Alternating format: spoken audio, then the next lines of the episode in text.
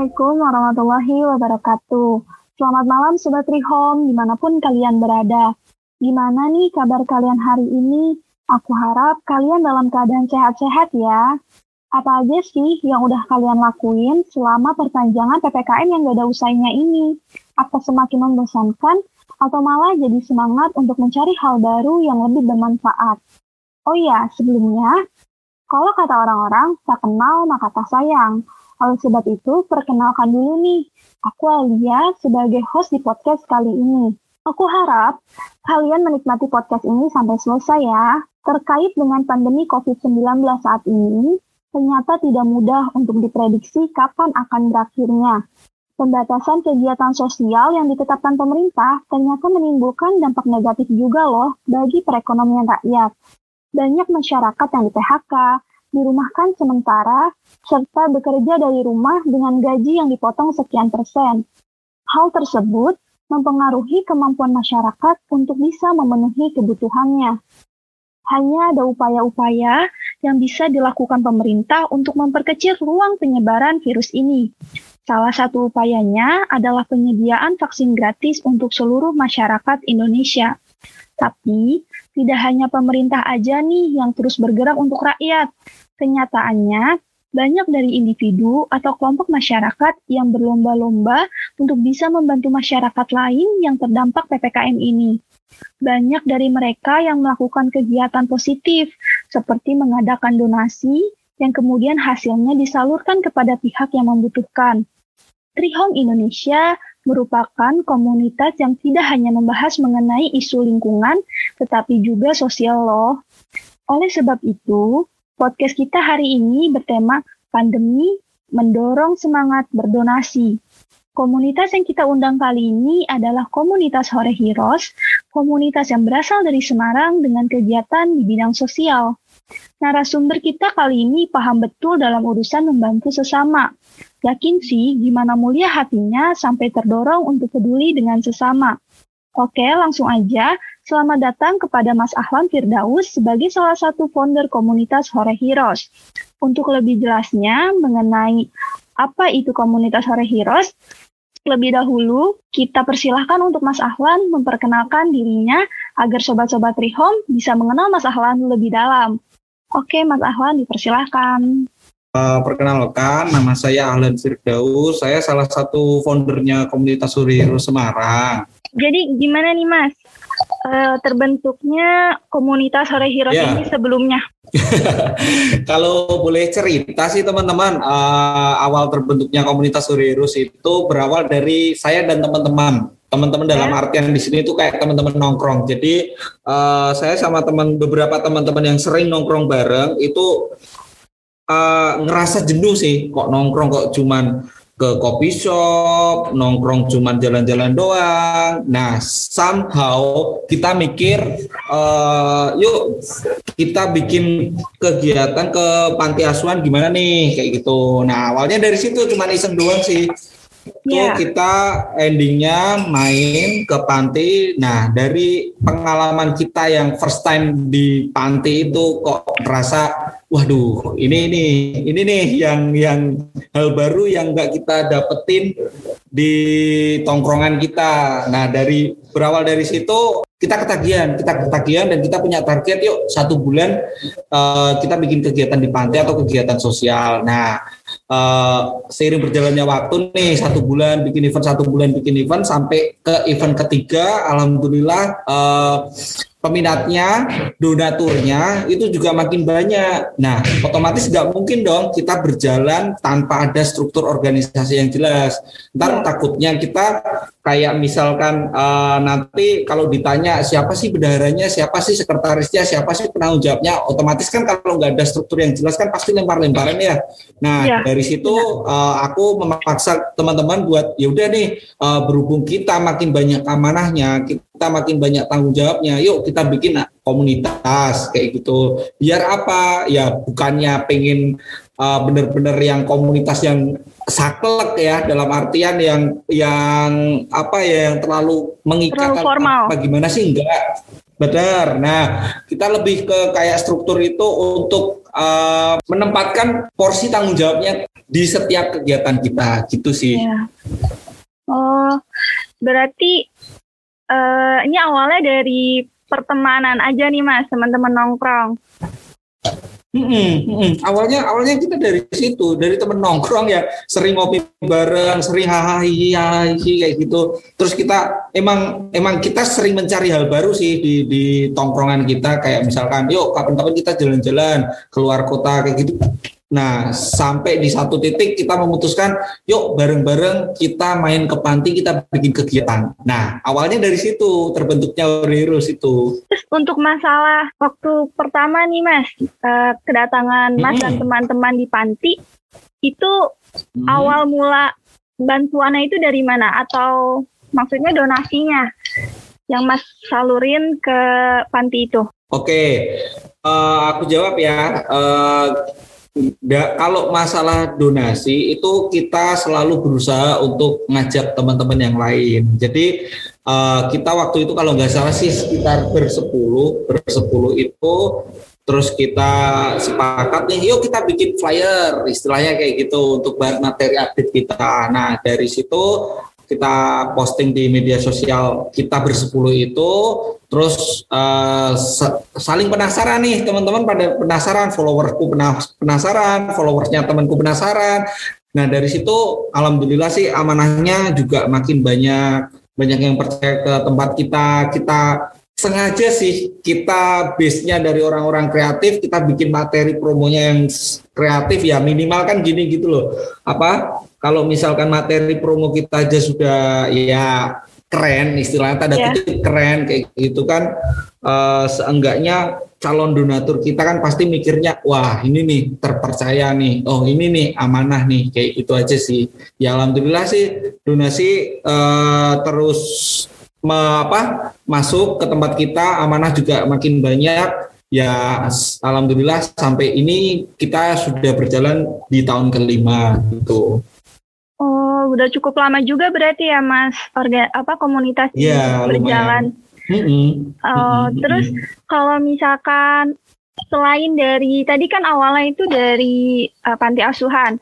Nah, selanjut selanjutnya nih, hmm. apa aja sih Mas yang dilakuin sama komunitas Hore Heroes menyalurkan bantuannya ke masyarakat?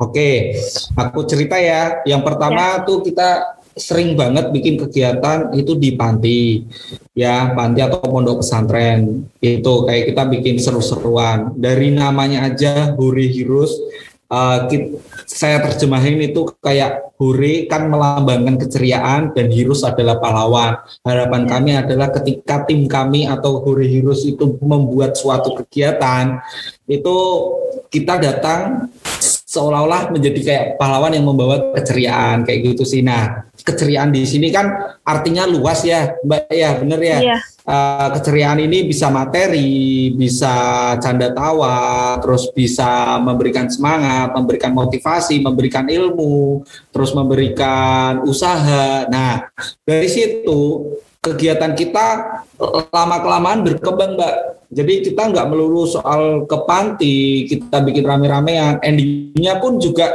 kalau ada bencana alam pun kita pasti open apa bikin campaign. Kayak gitu ikut bikin campaign ikut membantu saudara-saudara kita yang uh, terkena musibah bencana alam. Waktu itu kita pernah yang Bamena itu terus gunung meletus itu juga pernah banjir bandang itu juga pernah itu untuk skupnya yang bantuan bencana. Terus kita juga pernah memberikan sebuah usaha. Nah ini unik nih ceritanya nih. Ada ibu janda, maaf ya, iya, ya. beliau suaminya udah meninggal, punya anak tiga, salah satu dari anaknya itu punya kelainan tulang belakang yang maaf uh, si adik ini lumpuh hanya bisa tiduran. Nah dari situ kita bantu nih, kita bantu. Cuman saya selalu mengajarkan ke teman-teman Horirus tuh gini, guys, kalau kalian mau bantu orang, ingat dibantu sambil dikasih motivasi agar orang tersebut, agar si targetnya itu bisa tetap survive. Jadi kita itu nggak pengen mengajarkan uh, si target itu jadi menjual iba, paham kan? Iya iya. Uh, jadi hanya ini, menerima uh, gitu ya. Ada, Iya, kita nggak pengen mengajarkan kayak sosok-sosok beliau-beliau beliau ini itu hanya menjual maaf iba uh, ke mana-mana nonjolin anaknya yang seperti itu, minta belas kasihan orang-orang. Jujur kita kurang sepakat dengan hal tersebut. Makanya setiap kali kita akan menentukan sebuah campaign, kita harus ada riset. Ya. Tuh, terus yang selanjutnya kita kita pahami dulu masalahnya itu seperti apa, kayak gitu. Terus kita baru menentukan uh, solusi apa nih yang paling tepat untuk si target. Kita nyebutnya target. Iya. Guru itu nyebutnya orang yang akan menerima donasi itu target. Nah, lanjut lagi ke cerita uh, si ibu ini kita analisis. Oh, oke, okay, ibunya cuma buru serabutan dengan kondisi tiga anak. Yang paling kecil tuh masih balita, yang tengah itu punya kelainan tulang belakang, yang gede itu masih SMP.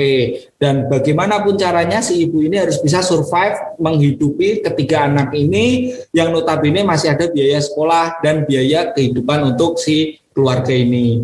Kita punya cerita itu waktu itu e, ibunya kita bantu, kita bikinkan sebuah usaha. Nah, ini unik. Aku ngomong ke teman-teman Urirus, guys, kalau kita mau nyumbang, e, kalau bisa untuk campaign yang si ibu ini itu kita bantunya pakai jilbab gimana? Wah, gimana nih Mas jilbabnya? Oke, jadi gini, e, kalau teman-teman punya jilbab atau pengen beliin atau pengen ngasih tolong belikan jilbab baru, bawa ke campaign waktu hari H, kita serahin bareng-bareng, kita bikinkan usaha jilbab. Sampai itu kita saya buatkan logo, saya cetakan MMT brand jilbab, kita kasih nama brand jilbab, kita ajarin cara cara untuk packaging, packaging jilbab yang yang baik, terus kita carikan tempat display yang biar bisa jilbab dagangan ibu ini nanti di display biar orang-orang tuh pada ngelihat dari situ alhamdulillah Mbak kita ya. kasih sebuah usaha yang namanya yang yang namanya tuh jilbab ya jualan jilbab sorry ya hmm. Dari situ uh, kita kasih, kita pantau juga ya sembari kita kasih beberapa sembako dan fresh money tentunya ya.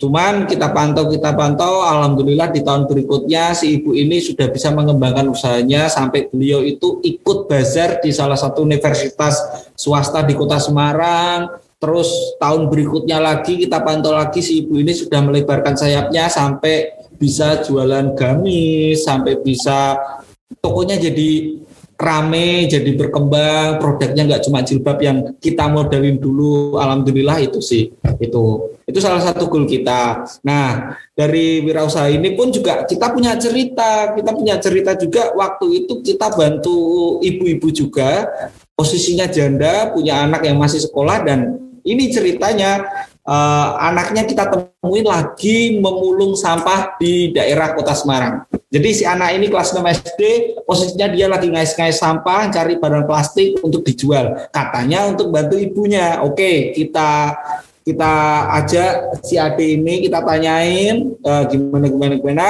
Kita survei ke tempat ibunya kita memutuskan oh kayaknya nih dari segi demografis dari segi lingkungan si ibu ini kita cocoknya kita bukakan warung jus. Jadi waktu itu kita juga bawa-bawa gerobak kita bawa-bawa blender terus kita kasih kayak tempat display untuk jualan jus. Itu juga kita pernah. Di luar itu sih rata-rata uh, kita memang berkegiatannya tuh kayak bantu orang. Pernah kita juga bantu balita di panti asuhan dengan kondisi hipoalergenik. Nah, kalau teman-teman nggak tahu hipoalergenik itu apa, jadi kondisi bayi yang tidak bisa menerima ya, ya ini bahasa gampangnya ya maaf kalau salah. Jadi intinya bayi ini itu nggak bisa menerima protein dari susu sapi. Nah, oh, yeah. bayinya itu kita, kita waktu kita ketemu itu maaf kondisinya sangat memprihatinkan sampai istilahnya tuh kulit ketemu tulang, nggak ada dagingnya si anak perutnya kondisi gede, lemes, nggak bisa nangis, uh, kulitnya gelambir karena nggak ada isinya karena beliau itu si adik ini kena hipoalergenik. Nah itu kita proses, kita treatment, kita beliin susu yang untuk hipoalergenik, kita pantau setiap hari. Alhamdulillah si adik itu berangsur-angsur pulih waktu itu. Cuman ya uh, rencana Allah mungkin lain, jadi si adik ini harus uh, meninggalkan kita Tuhan. semua. Iya. uh, yeah. Ya gitu. Ya terus gini Mbak, yang yang saya kalau saya boleh cerita uh, kegiatan Urirus di Panti itu saya paksa setiap bulannya itu dengan konsep yang berbeda. Kalau saya boleh cerita dan kalau teman-teman penasaran, itu bisa aja lihat di Instagram kita @huriheroes itu di situ semua evidence itu ada semua kegiatan kita terekam dengan baik. Itu konsepnya rata-rata eh, kita pernah main dengan anak panti dengan konsep hore piknik. Hore piknik itu kita aplikasikan hore dari kata komunitasnya namanya hore heroes dengan piknik. Piknik itu konsep yang kita bawa. Waktu itu kita benar-benar bawa ke sawah kita belajar bareng-bareng uh, menanam, beternak sapi, terus uh, berkebun juga itu kita pernah, terus kita huri tamasya juga, huri nandur juga pernah, huri heritage kita bawa anak-anak nanti bersama kakak-kakak volunteer. Itu kita bareng-bareng eksplor kota lama Semarang, kita bikin pos-pos di beberapa titik di searea kota Semar di searea kota lama Semarang itu kita benar-benar kayak uh, ya petualangan petualangan menyisir kota lama itu. Jadi nanti uh, ditunjukin oh ini gedung ini tuh dulunya tuh gini sambil ada ceritanya. Nah kayak gitu. Terus ya. pernah juga kita menyesuaikan dengan momentum. Dalam artian kalau misalkan sekarang Agustus kita pasti bikinkan hore 17-an atau hore veteran. Hore veteran waktu itu kita pernah datang ke Panti Frida kita menghibur nenek-nenek dan kakek-kakek kita yang ada di Panti Freda, Panti Jompo, kita ajak seru-seruan, lomba-lomba ala 17-an, kita bikin upacara ala-ala.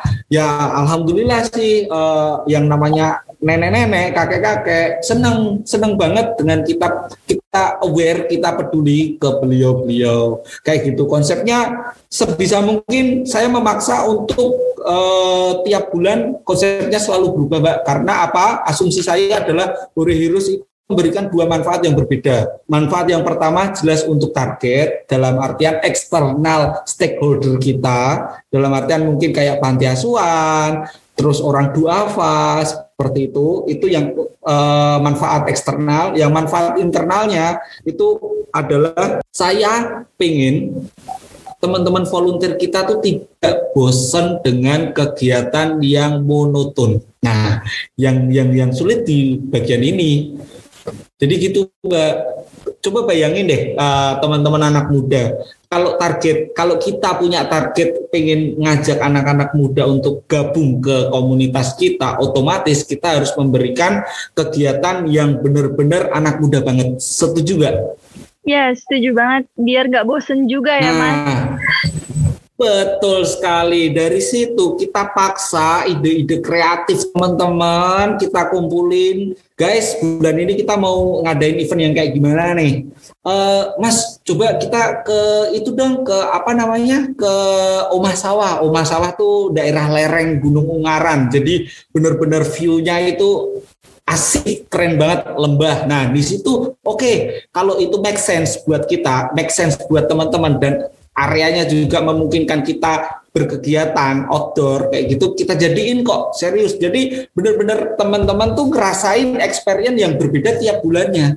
Makanya ya alhamdulillah salah satu kelebihannya Urerus itu memang kita tiap bulan dengan konsep yang selalu berbeda. Kita pernah main kita kayak bikin fashion show tapi uniknya fashion show itu uh, kita dari daun. Kita eksperimen dari daun. Jadi kayak bikin mahkota, mahkota di kepala itu dari daun yang dianyak, terus bikin kayak rok-rok, terus kayak bikin kayak ya pokoknya seru-seruan lah. Ada tuh di Instagramnya kita kalau penasaran silakan dilihat @hurerus. Nah, itu itu benar-benar berkesan, jatuhnya berkesan ke teman-teman. Nah, dari situlah Alhamdulillah Hurirus eksis sampai lima tahun dan insya Allah ya doakan ya teman-teman ya semoga tetap ada terus sampai nanti sampai memberikan manfaat untuk orang banyak kayak gitu. Udah banyak banget berarti ya Mas eh, kegiatan-kegiatan positif yang kreatif yang diadain sama komunitas Sore Heroes ini. Uh, terus hmm. kalau untuk tadi kan volunteer ya mas, berarti kalau untuk anggota hmm. tetap yang komunitas sore heroes ini tuh berapa orang mas? Atau uh, namanya volunteer itu kan nggak selalu dia menetap di komunitas itu, mungkin ada jangka waktunya.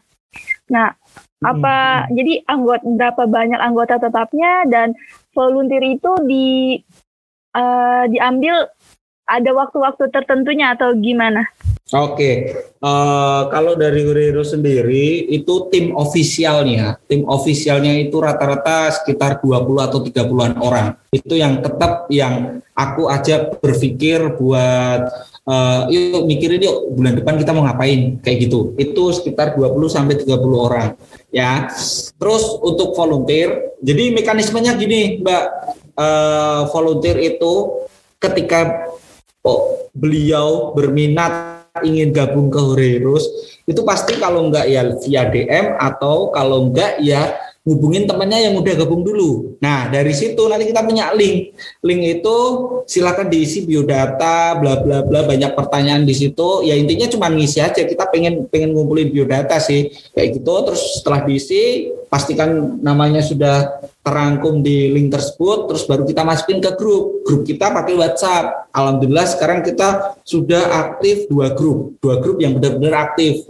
Uh, yang satu full, yang satunya masih uh, jalan terus sampai sekarang. Ya, kalau kita ngomongin volunteer, jadi gini Mbak, pertama kita tawari kalau memang mau benar-benar tahu updatean seputar virus, silakan gabung ke grup kita, grup namanya Silaturahmi Virus 1 sama Silaturahmi Virus 2. Uh, di mana yang salah satunya itu udah full. Jadi uh, grup silaturahmi itu memang wadahnya volunteer kami untuk mendapatkan update terkini terkait event-event Hore Heroes tiap bulannya. Jadi gini, tiap bulan Hore Heroes mau bikin event. Nah, di situ kita nggak mungkin nge-cover semuanya untuk bisa ikutan event tersebut. Nah, info-info terkait uh, keikutsertaan volunteer tiap eventnya, tiap eventnya, tiap bulannya itu kita sharing pertama kali di dua grup itu.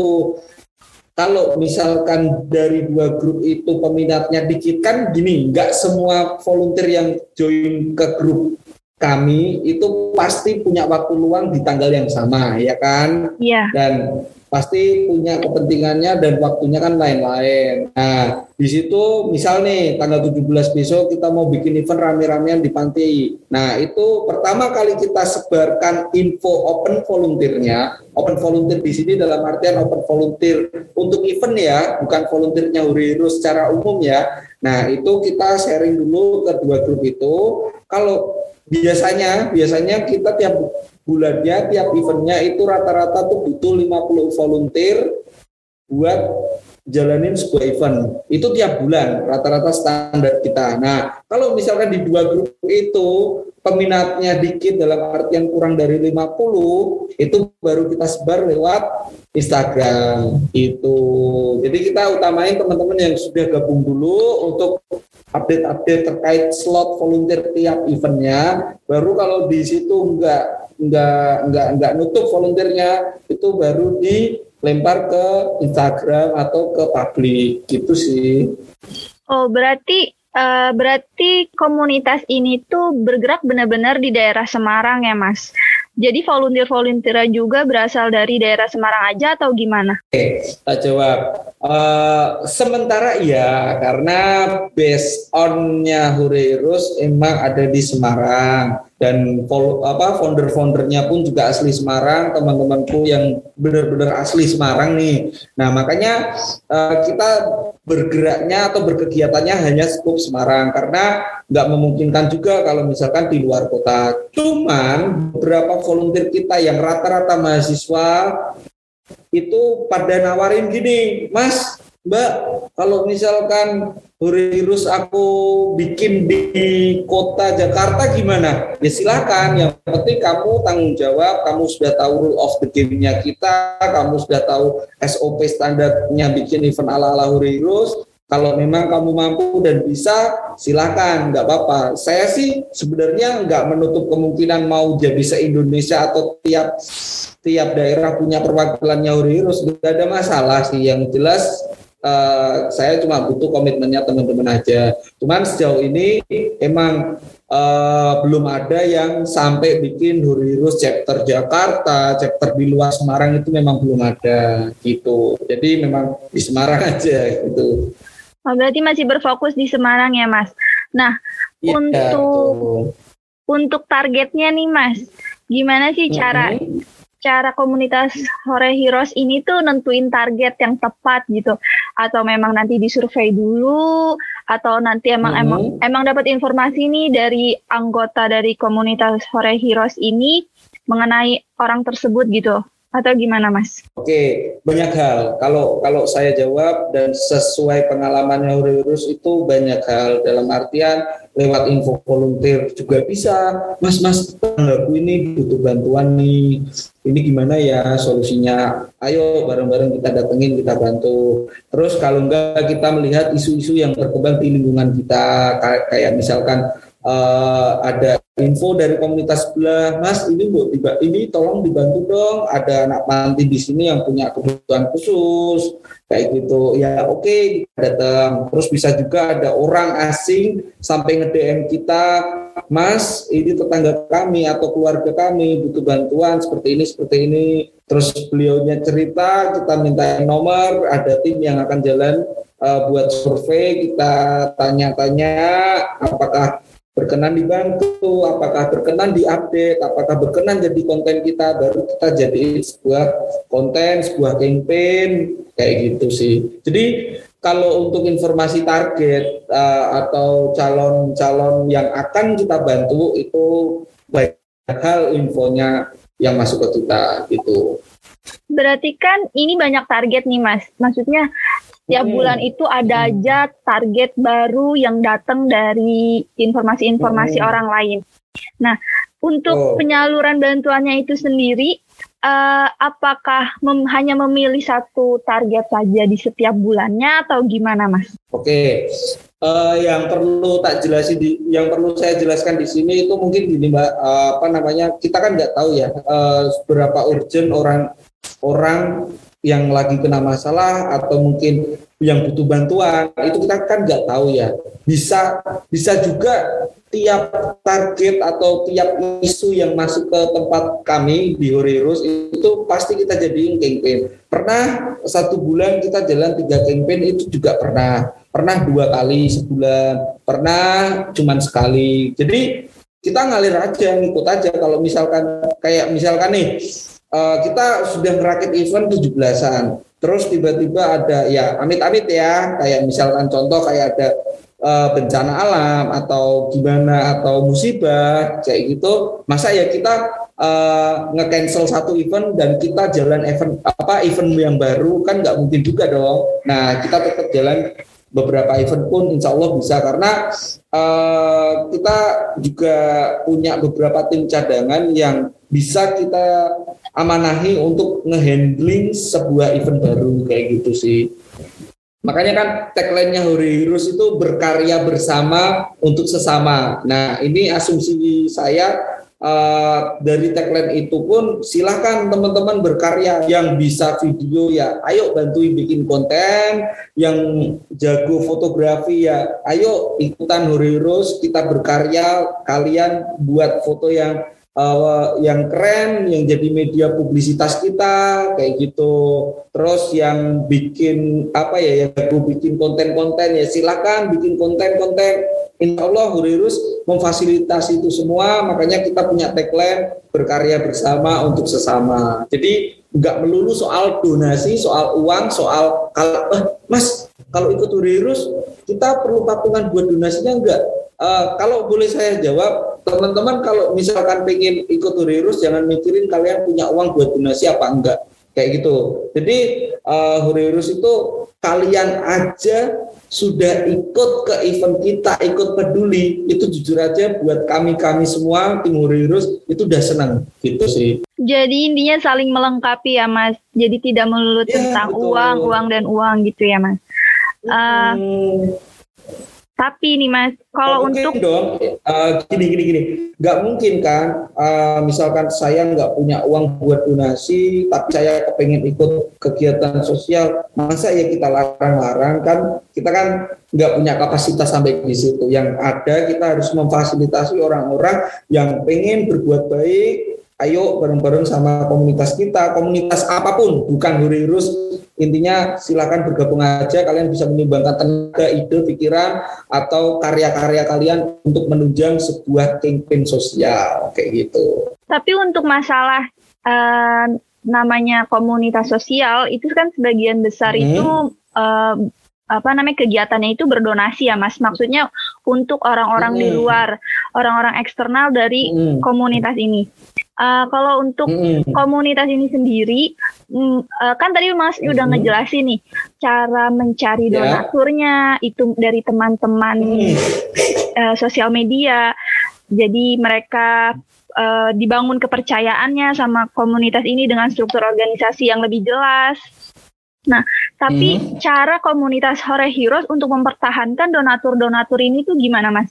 Selain uh, okay. tadi udah jelas struktur organisasinya gitu. Ya, oke. Okay. Ini menarik. Ini aspek yang sangat menarik. Uh, bagaimana kita menjaga kepercayaan para donatur kita, ya kan? Begitu kan ya. pertanyaannya? Iya, Mas. Ya.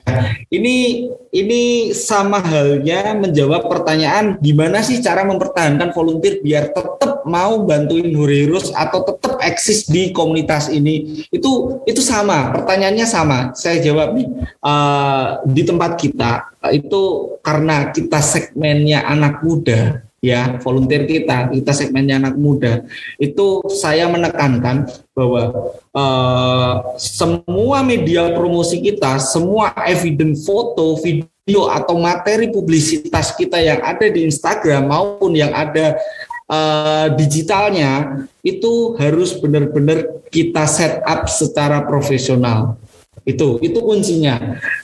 Uh, yeah. gini gampangnya nerjemahin tuh gini. Kami pernah bikin event outdoor mainan di sawah. Terus kita uh, seru-seruan sama adik panti kita bener-bener main kotor-kotoran main di sawah main lumpur main ya bercocok tanam seperti itulah ya itu sampai saya minta ke tim tim dokumentasi kami tolong dong uh, sewa lensa yang benar-benar profesional yang biar orang itu kalau difoto tuh kelihatan keren. Tolong dong kalian bawa gimbal atau stabilizer video yang nanti hasilnya itu keren. Nah, jadi memang aspek dokumentasi dan aspek publisitas itu penting. Kalau saya boleh ngajarin ke teman-teman komunitas, istilahnya gini. Kalau saya jadi volunteer, kalau Mbak Aul Aulia ya namanya ya, ya kalau Mbak ya, Aulia jadi volunteer itu kalau misalkan dalam suatu kegiatan di komunitas Mbak Aulia di foto dan fotonya itu, wih kelihatan keren, kelihatan bokeh, kelihatan bening, kelihatan mantep, kelihatan eye catching kayak gitu, otomatis Mbak Aul seneng nggak sih kalau misalkan kayak gitu? Pasti dari yang difoto pun akan senang, apalagi orang-orang luar yang lihat posan kita juga pasti akan tertarik ya mas. Yes, yes, itu salah satu strategi kita. Jadi apa untuk mempertahankan volunteer dan bikin orang penasaran, ih fotomu kok keren sih, itu ikut kegiatan apa ya? Nah itu kita berani kok ngeluarin eh, nominal sekian untuk benar-benar punya perlengkapan dokumentasi yang benar-benar wow dalam artian bukan pengen sombong bukan pengen pengen nampilin ini itunya karena ada dua hal yang pengen kita apa namanya pengen kita maintain. Yang pertama adalah sisi volunteer, yang kedua adalah sisi donatur. Donatur juga seneng kali kalau misalkan semua dokumentasi kita, semua kegiatan kita penyaluran donasi maupun kegiatan yang benar-benar uh, kita mintakan uangnya kepada donatur itu terdokumentasi dengan baik, terdokumentasi dengan jelas, terdokumentasi dengan istilahnya istimewa, otomatis donatur senang. Oh, ih keren ya ini. Oh, benar benar benar nah itu beras yang aku beliin yang aku titipin oh dikasihin ya semuanya kita record dengan uh, yang terbaik saya menuntut itu di Ureus karena apa? Uh, ya kita tahu lah ya anak zaman sekarang tuh ya pasti dicari kan eksistensi itu yang pertama ya kan? Untuk yeah. anak-anak mudanya untuk masih uh, untuk teman-teman kita yang masih muda kayak gitu. Pasti eksistensi. Dan kita kita fasilitasi kok. Istilahnya gini kasarnya adalah you ikut komunitas kami tak kasih nih hasil-hasil foto yang eye catching yang kalian update di story di di Instagram kalian terserah kayak gitu. Karena itu jadi marketing secara nggak langsung buat komunitas-komunitas yang komunitas kita terutama kayak gitu. Ya bayangin nih kalau Mbak Aul ikut komunitas Heroes terus uh, Mbak Aul ada foto yang kita kita abadikan dan itu eye catching dan itu memang benar-benar uh, uh, speknya yang ya kayak kayak foto dengan alat-alat yang cukup mahal dan cukup uh, apa namanya cukup kompeten di bidang itu, otomatis Mbak Aul pasti seneng dong punya foto yang lagi berkegiatan, terus difoto secara candid, kayak gitu. Terus Mbak Aul juga nanti akan posting, dan ketika Mbak Aul posting, nanti pasti teman-temannya Mbak Aul pun juga nggak sedikit yang akan bertanya, eh Aul, lo ikut kegiatan apa sih? Kok keren banget? Nah, dari situlah uh, strategi kami untuk tetap eksis ya begitulah. Jadi memang uh, kunci kita adalah materi dokumentasi, materi publisitas kami benar-benar kami jaga dan kami punya standar tinggi. Karena apa? Pertama untuk menjaga volunteer kita biar tetap eksis di tempat kita. Yang kedua biar evidence atau bukti-bukti penyaluran kita kepada para donatur itu benar-benar terjaga kualitasnya, donatur senang melihatnya dan kita selalu punya video after event juga kayak gitu Mbak Aul. Oh, berarti sangat-sangat memfasilitasi ya Mas untuk meningkatkan kepercayaan yeah, yeah, para donatur uh, dan juga memberi kenyamanan untuk para anggota dari komunitas Rehiras ini. Kalau ah, masalah uh, ya. donatur nih, Mas. Bahkan sampai sampai itu apa namanya? Kita sempat minjem drone, ada drone. Kita kita sampai benar-benar bawa. Kalau memang itu kegiatannya layak dan bagus untuk dikasih dokumentasi drone, kita nggak akan sungkan, kita nggak akan ragu. Ya sudah, besok bawa drone kayak gitu. Dan saya menuntut menuntut dokumentasi dan publisitas itu secara lebih ke teman-teman. Ya minimal memaksa mereka untuk berkarya. Setidaknya gini, kalau mungkin teman-teman punya skill fotografi, skill videografi, silakan ikut komunitas Heroes, silakan kalian record, kalian foto dan itu jadi portofolio kalian pun juga kita nggak ada masalah. Dan itu jadi ajang teman-teman belajar editing, belajar fotografi yang ciamik kayak gitu sih. Berarti tidak melulu tentang donasi ya Mas. Jadi memberi wadah Betul. juga bagi anak-anak muda buat berkreativitas terus. Kalau ngomongin Betul. masalah donatur nih Mas. Seandainya hmm. jika ada event atau campaign yang lagi dijalani nih punya target donasinya hmm. itu sekian juta, tapi tidak mencapai target, hmm. itu kira-kira apa yang bakal dilakuin oleh komunitas Heroes itu sendiri? Oke, okay. uh, eh, ini agak kompleks ya, penjelasan apa agak kompleks karena ini menyangkut masalah keuangan. Jadi pertama yang jelas gini, kita punya target tiap bulan, tiap event itu selalu kita kita rinci targetnya. Uh, rinci kebutuhan budget tiap eventnya. Nah, kalau misalkan tiap event kita, kalau misalkan Mbak Aul nih buka Instagramnya Heroes di feed yang isinya tentang flyer buat kegiatan campaign kayak gitu itu ada slide kedua yang namanya lelang donasi. Nah, itu poin-poin yang kita mintakan. Rata-rata, rata-rata kalau kita boleh ngomong tiap kali event untuk anak-anak panti, untuk adik-adik panti asuhan atau pondok pesantren itu di range harga eh di range sorry di range budget 10 juta. Nah itu bisa kita akalin kok sebenarnya uh, sesimpel aja kalau misalkan target itu nggak mencukupi ada aspek yang kita kurangi. Contoh yang bisa dikurangi adalah dekorasi. Dekorasi itu sebenarnya kita bisa jalan tanpa dekorasi yang wah. Itu yang pertama. Nah, kita press budget. Oh, jadi budget yang akadnya untuk uh, dekorasi, kita reakat nama namanya reakat. Jadi kita kontak ulang para donaturnya dengan catatan donatur itu konfirmasi ya. Kalau donatur itu konfirmasi, Mas, Mbak, ini saya titip uang 500 ribu untuk dekorasinya. Oke, kita catat dulu. Nanti mendekati hari H, kalau misalkan uh, makan adik-adik pantinya itu kurang, dan bisa kita ambilkan ke budget dekorasi yang donatur yang sudah ngasih untuk akadnya dekorasi itu kita telepon ulang. Halo, selamat malam Pak, Bu. Ini gini kita dari Urirus kita mau cerita bahwa kondisinya sekarang untuk budget makan adik-adiknya itu kurang. Boleh nggak ya uang yang diakadkan untuk dekorasinya kita ambil kita alihkan untuk makan adik-adik panti atau makan targetnya seperti itu. Jadi kita tetap baik konfirmasi karena ya ya namanya akad donasi itu kan uh, di tempat di tempat kami di Hurirus itu sangat sangat penting dan harus dijaga. Kalau memang akadnya untuk dekorasi ya bagaimanapun itu harus untuk dekorasi nggak bisa dirubah-rubah kecuali dengan konfirmasi ke yang bersangkutan atau ke yang donaturnya. Nah, itu satu hal pertama. Terus yang kedua, bisa aja kita pakai kas. Kita, ya. oh aduh kurang 500 ribu nih, ya sudahlah ambilin kas. Tering kita kasih kas. Kas itu diambil dari gini, uang kasnya Urirus itu kalau tiap kali kita kumpul meeting ketemuan Hurirus sebelum pandemi ya ini ya saya ceritanya ya.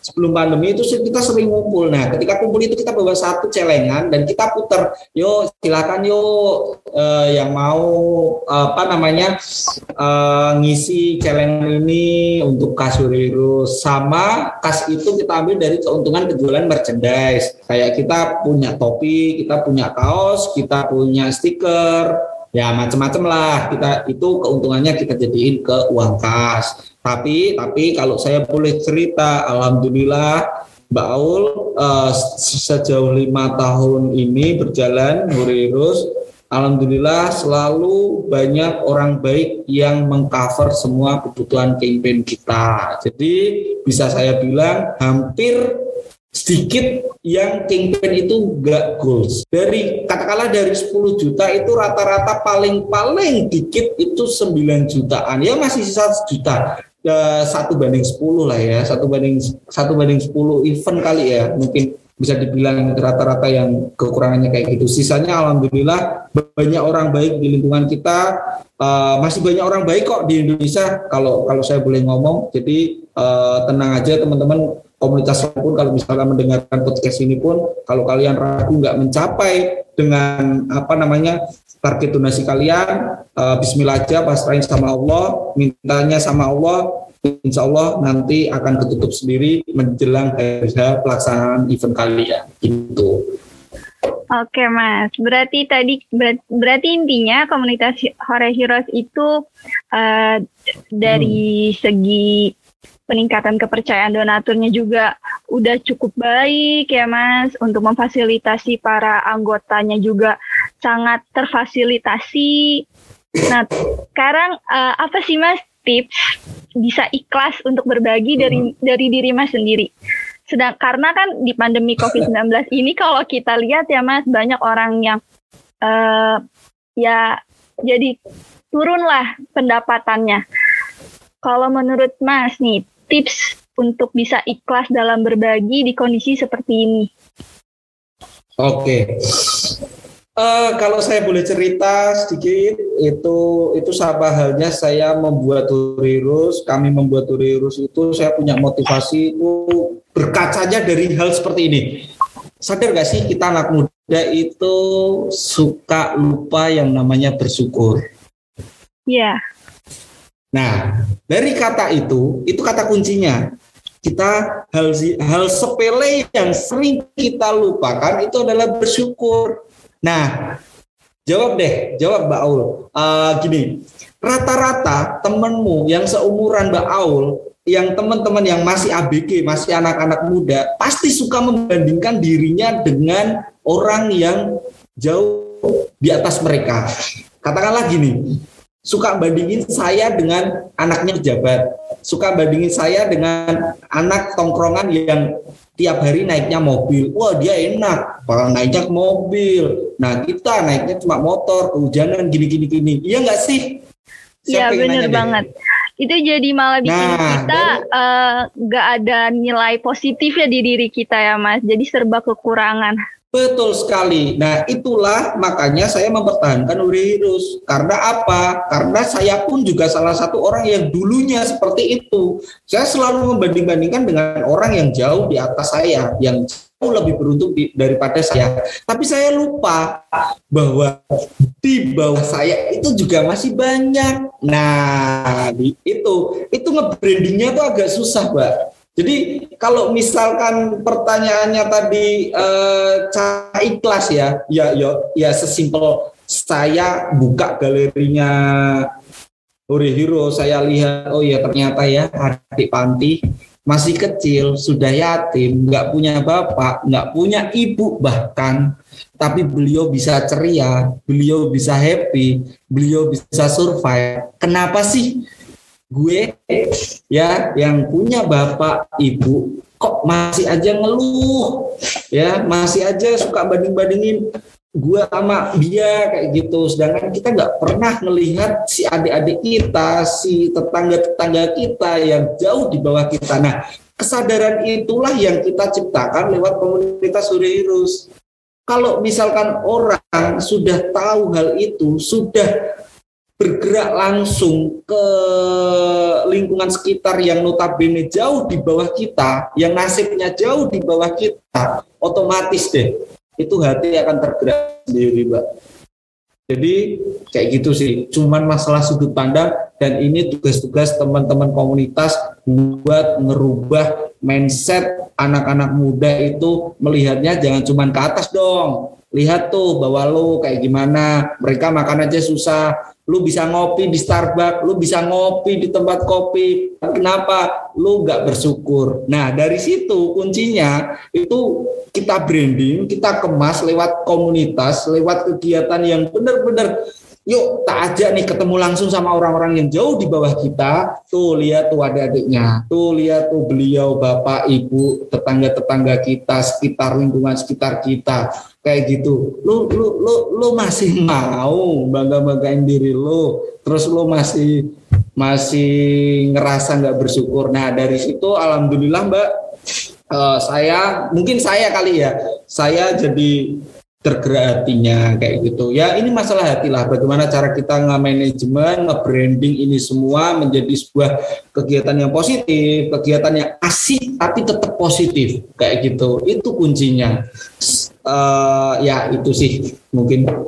Oh, berarti intinya kita sebagai orang harus melihat di sekitar kita bahwa masih banyak yang kurang dibandingkan kita jadi kita bisa berbagi kepada orang lain tanpa melihat Betul. bahwa kita juga masih kurang gitu ya mas uh, kadang gini kadang gini kadang gini ya Allah aku sekarang pandemi nih gajiku dipotong sekian persen Hey bro, come on. Lu masih untung digaji, cuma dipotong sekian persen. Tuh, coba lihat banyak di sekitar kita yang bahkan dipecat.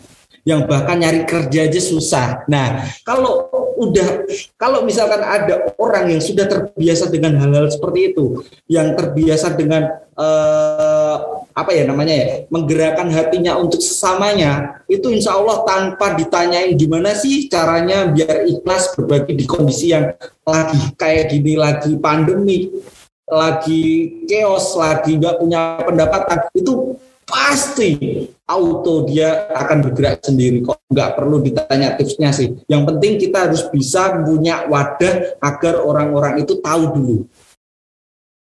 Ya benar mas. Nah untuk yang terakhir nih mas uh, hmm. pesan mas Ahlan untuk uh, komunitas Trihome Indonesia itu apa?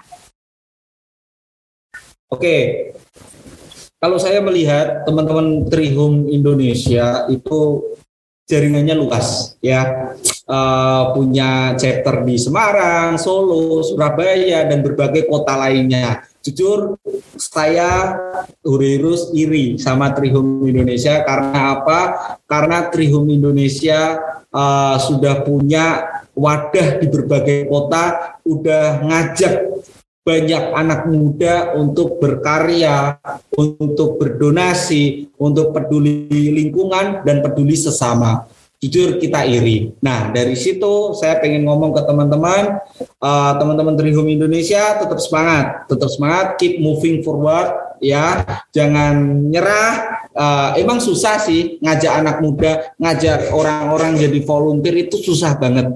Cuman dibalik itu saya harap ini jadi wadah pembelajaran teman-teman semua biar bisa punya ide-ide lebih gila lagi, lebih menarik lagi untuk anak muda, biar bisa menarik perhatian anak muda, biar anak muda itu nggak nongkrongnya di tempat kopian lah, di kafe lah, di mall lah, tapi nongkrongnya nongkrong yang produktif, nongkrong di tempatnya Trihome Indonesia, ngomongin proyek untuk sesama, proyek untuk lingkungan, dan proyek untuk yang lainnya kayak gitu. Nah intinya sih tetap ciptakan ide-ide gila, tetap peduli sama lingkungan, peduli sama sesamamu, uh, dan yang pasti satu Indonesia masih banyak orang yang baik. Silakan difasilitasi itu semua. Itu. Oke, terima kasih buat Mas Ahlan yang telah memberikan penjelasan yang sangat detail mengenai komunitas Hore Heroes, mengenai hmm. kebaikan-kebaikan apa yang mungkin bakal kita bisa lakuin juga di luar sana eh. karena masih satu hal, satu hal, satu hal. Kalau saya melihat Trihome Indonesia itu punya chapter yang Semarang, boleh dong uh, saya tantangin teman-teman dari Trihome Indonesia chapter Semarang, berani nggak kolaborasi sama Urirus untuk sesama? Gitu. Saya tunggu uh, kolaborasi kita bareng-bareng, kita berkarya bareng-bareng, kita uh, produktif untuk sesama, untuk lingkungan saya tunggu. Itu sih. Oke, siap Mas. Nanti bisa dibicarain lagi sama uh, anggota-anggota lainnya. Oke, jadi kesimpulan siap. untuk podcast kali ini uh, untuk para anak muda jangan pernah takut kalian untuk bisa berbagi kepada orang lain meskipun bukan uh, hanya tentang uang tapi tentang kreativitas kalian juga yeah. sangat membantu uh, suatu komunitas yang bisa menyalurkan bantuan kepada pihak-pihak yang lebih membutuhkan. Uh, Oke, okay, yeah. jadi sobat Rehome uh, pantengin terus uh, podcast podcast Rehome Indonesia lainnya dengan pembicara yang lebih menarik. Tentu saja Mas Ahlan lebih mena juga menarik ya Mas atas cerita-ceritanya yang cukup berkesan. Tidak hanya untuk Sobat Rihom tetapi juga untuk saya. Saya ucapkan terima kasih untuk Mas Ahlan untuk kesempatan kali ini.